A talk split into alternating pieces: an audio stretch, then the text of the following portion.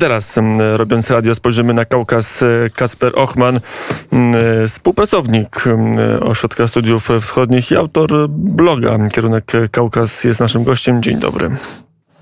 Dzień dobry, witam pana redaktora serdecznie, witam naszych słuchaczy. No i na Kaukazie zaczęły dziać się, o czym już trochę powiedzieliśmy, rzeczy ciekawe.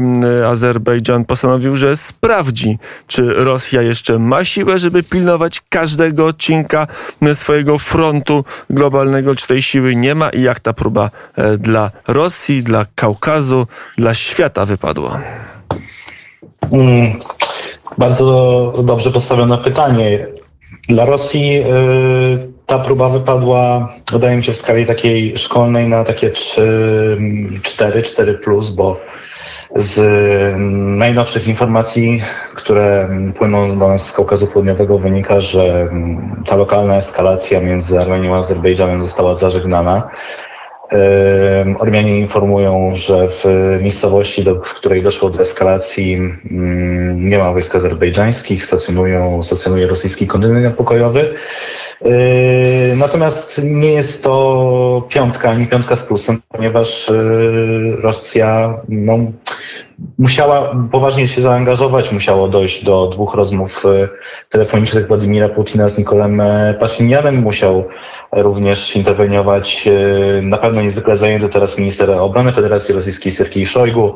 Rozmawiałem ze swoimi odpowiednikami z Armenii i z Azerbejdżanu.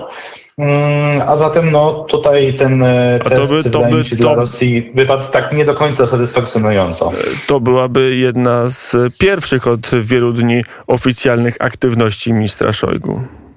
E, zdecydowanie tak. Natomiast jeśli chodzi o, tą ska, skalę y, światową, globalną, też zadał Pan pytanie o, o Rosję, ale też o świat i globalną skalę. No tutaj wydaje mi się, że świat cały czas pochłonięty jest sytuacją na, na Ukrainie, tym konfliktem, którym żyjemy już od ponad miesiąca.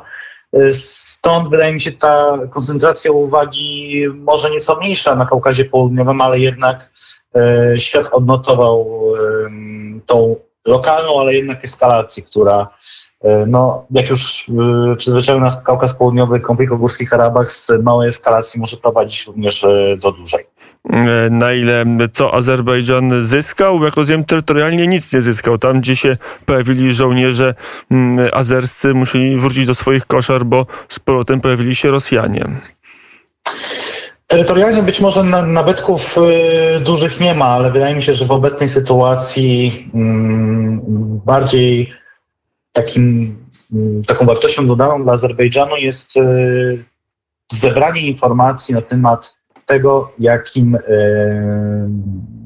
potencjałem dysponuje Rosja, jeśli chodzi o ten aparat dyplomatyczny, aparat nacisku, ale również możliwość szybkiego przerzucenia wojsk czy interwencji między dwoma stronami konfliktu w krótkim okresie czasu I, i, tu wydaje mi się to nawet nie nabytki mm, terytorialne, ale samo zebranie informacji było tutaj e, dla Azerbejdżanu bardziej kluczowe i wydaje mi się, że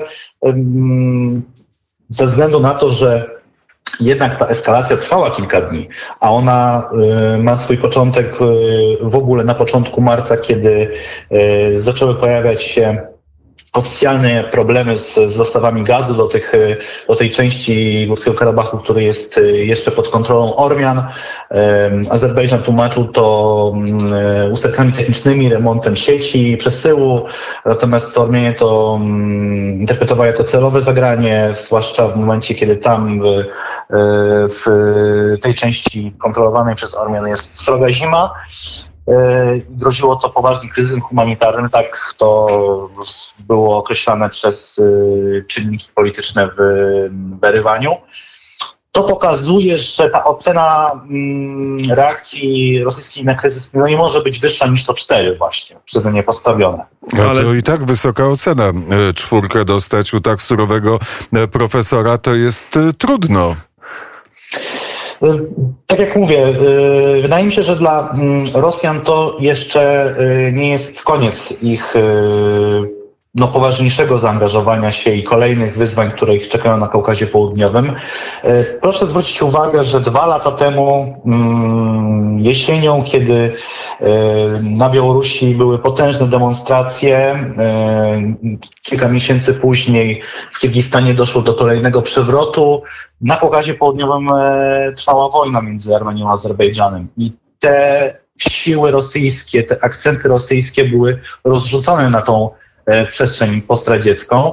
Więc no tutaj wydaje mi się, że tych wyzwań dla e, Rosji będzie sporo, zwłaszcza w momencie, kiedy no jednak cała uwaga, e, cała machina e, polityczno-wojskowo-dyplomatyczna jest skierowana jednak na e, Ukrainie, a nie w Górskim Karabachu. To też ważna rzecz, warto podkreślić, ta eskalacja ma miejsce w dosyć ciekawym, interesującym momencie. Jeszcze kilka tygodni temu mm, były bardzo mm, szeroko komentowane rozmowy normalizacyjne ministrów spraw zagranicznych Armenii i Turcji. Turcja, jak wiadomo, bardzo mocno wspiera Azerbejdżan, jeśli chodzi o, i, o terytorialną Górskiego Karabachu. Wspierała mocno Azerbejdżan w trakcie ostatniej e, wojny dwa lata temu.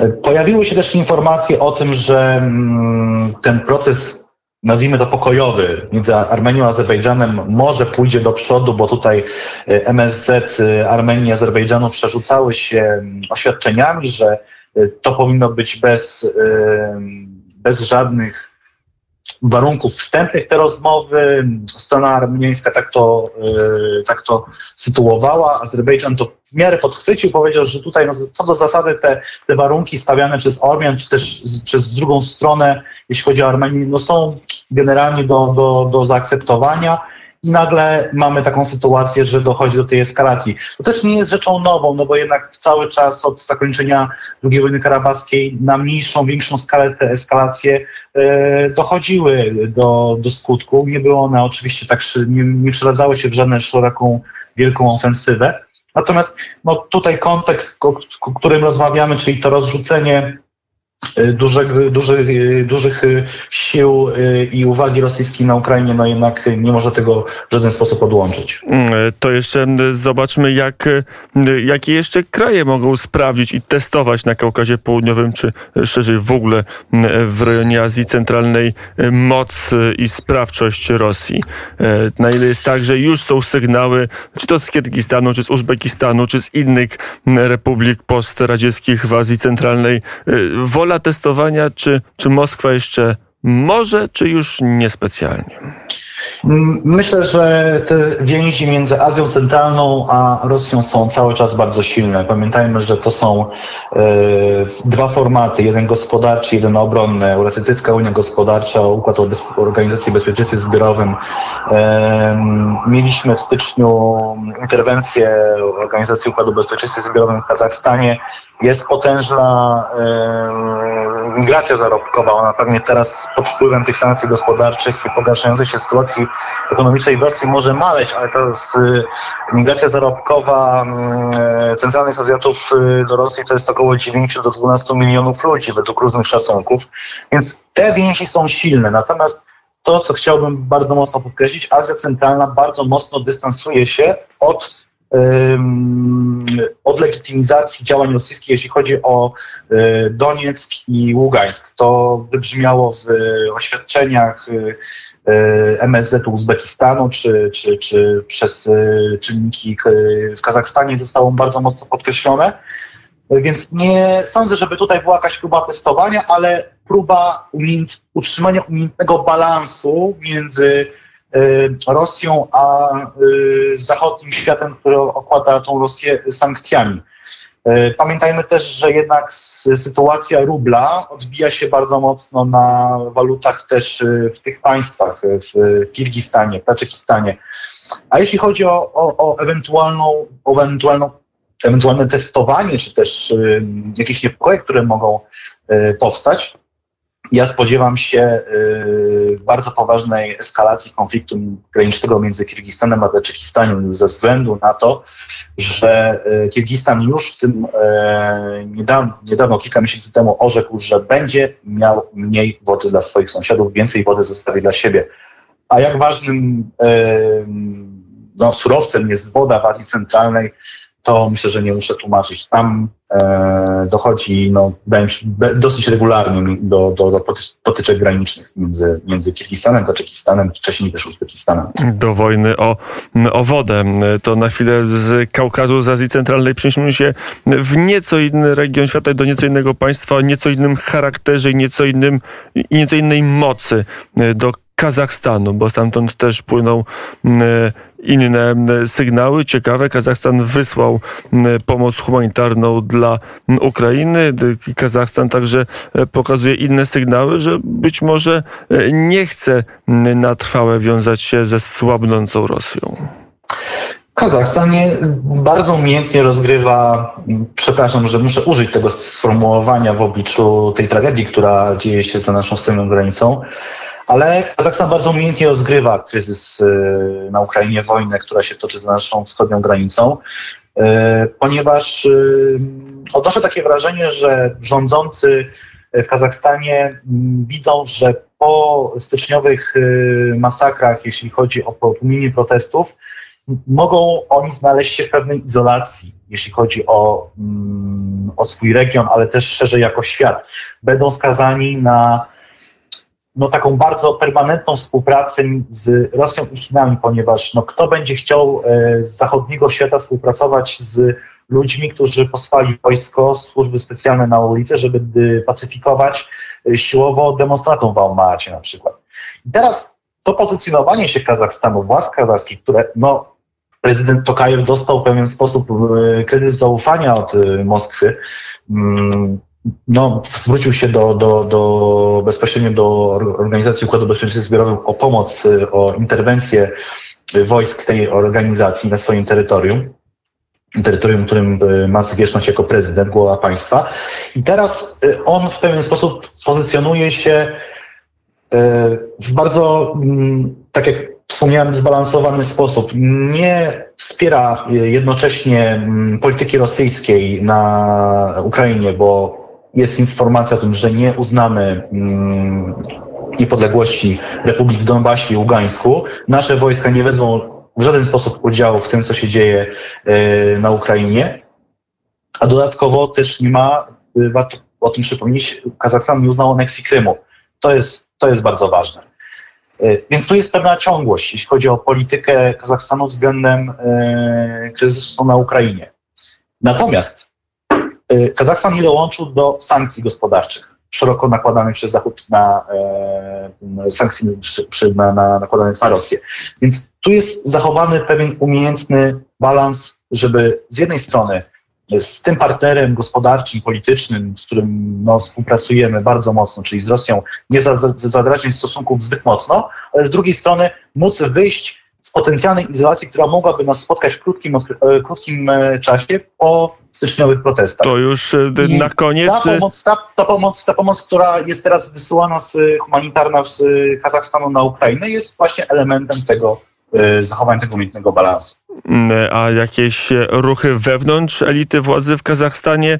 Mm, prezydent Nazarbajew z racji mm, i długoletniej swojej prezentury i wpływów e, był wobec Rosji partnerem. Tokajew trochę doszedł do pełni władzy dzięki protekcji, dzięki pomocy wojskowej e, od Rosjan. Czy, czy teraz jest tak, że kiedy Rosja słabnie, to słabnie sam Tokajew, a, a klan Nazarbajewa się wzmacnia? Czy nie ma tego typu ruchów wewnątrz elity władzy na Kazach w Kazachstanie? Mm, prezydent Tokajew bezpośrednio po uspokojeniu sytuacji w drugiej połowie stycznia, w lutym, no i teraz też w marcu, dokonywał e, przy pomocy rządu, który mianował, roszad personalnych w poszczególnych szczeblach, jeśli chodzi o władzę centralną, biznes, y, administrację i tak dalej. To wszystko w tle również e, eskalacji e, i konfliktu wojny na Ukrainie. Natomiast osoby, które teraz mm, no, przejęły te stanowiska po, po, po ludziach, nazwijmy to z klanu Nazarbajewa, to są również osoby z no, z tego otoczenia, które rządziło Kazachstanem, tylko że to jest powiedzmy drugi, trzeci albo czwarty garnitur. I teraz ci ludzie no, muszą jakoś odnaleźć się w tej sytuacji, która e, spotkała kraj, no bo też pamiętajmy, że e, no, te e, sankcje, które są nałożone na Rosję, też odbijają się na Kazachstanie. Tu chociażby kwestie e, dostaw żywności są bardzo istotnym elementem. Dostaw, e, eksport ropy i gazu też jest bardzo istotną kwestią dla Kazachstanu. Natomiast y, zasadniczo teraz prezydent Tokajew musi zmierzyć się z trzema, mm, powiedzmy, takimi wymiarami, czyli usprawnić system administracyjno-rządowy i biznesowy tymi ludźmi, którzy będą mu wierni i będą e, prowadzić, powiedzmy, tą politykę, którą on reprezentuje. Z drugiej strony zderzyć się z tymi sankcjami, które teraz są e, i które w dłuższej perspektywie mogą też uderzyć w, kaz- w kazachską gospodarkę.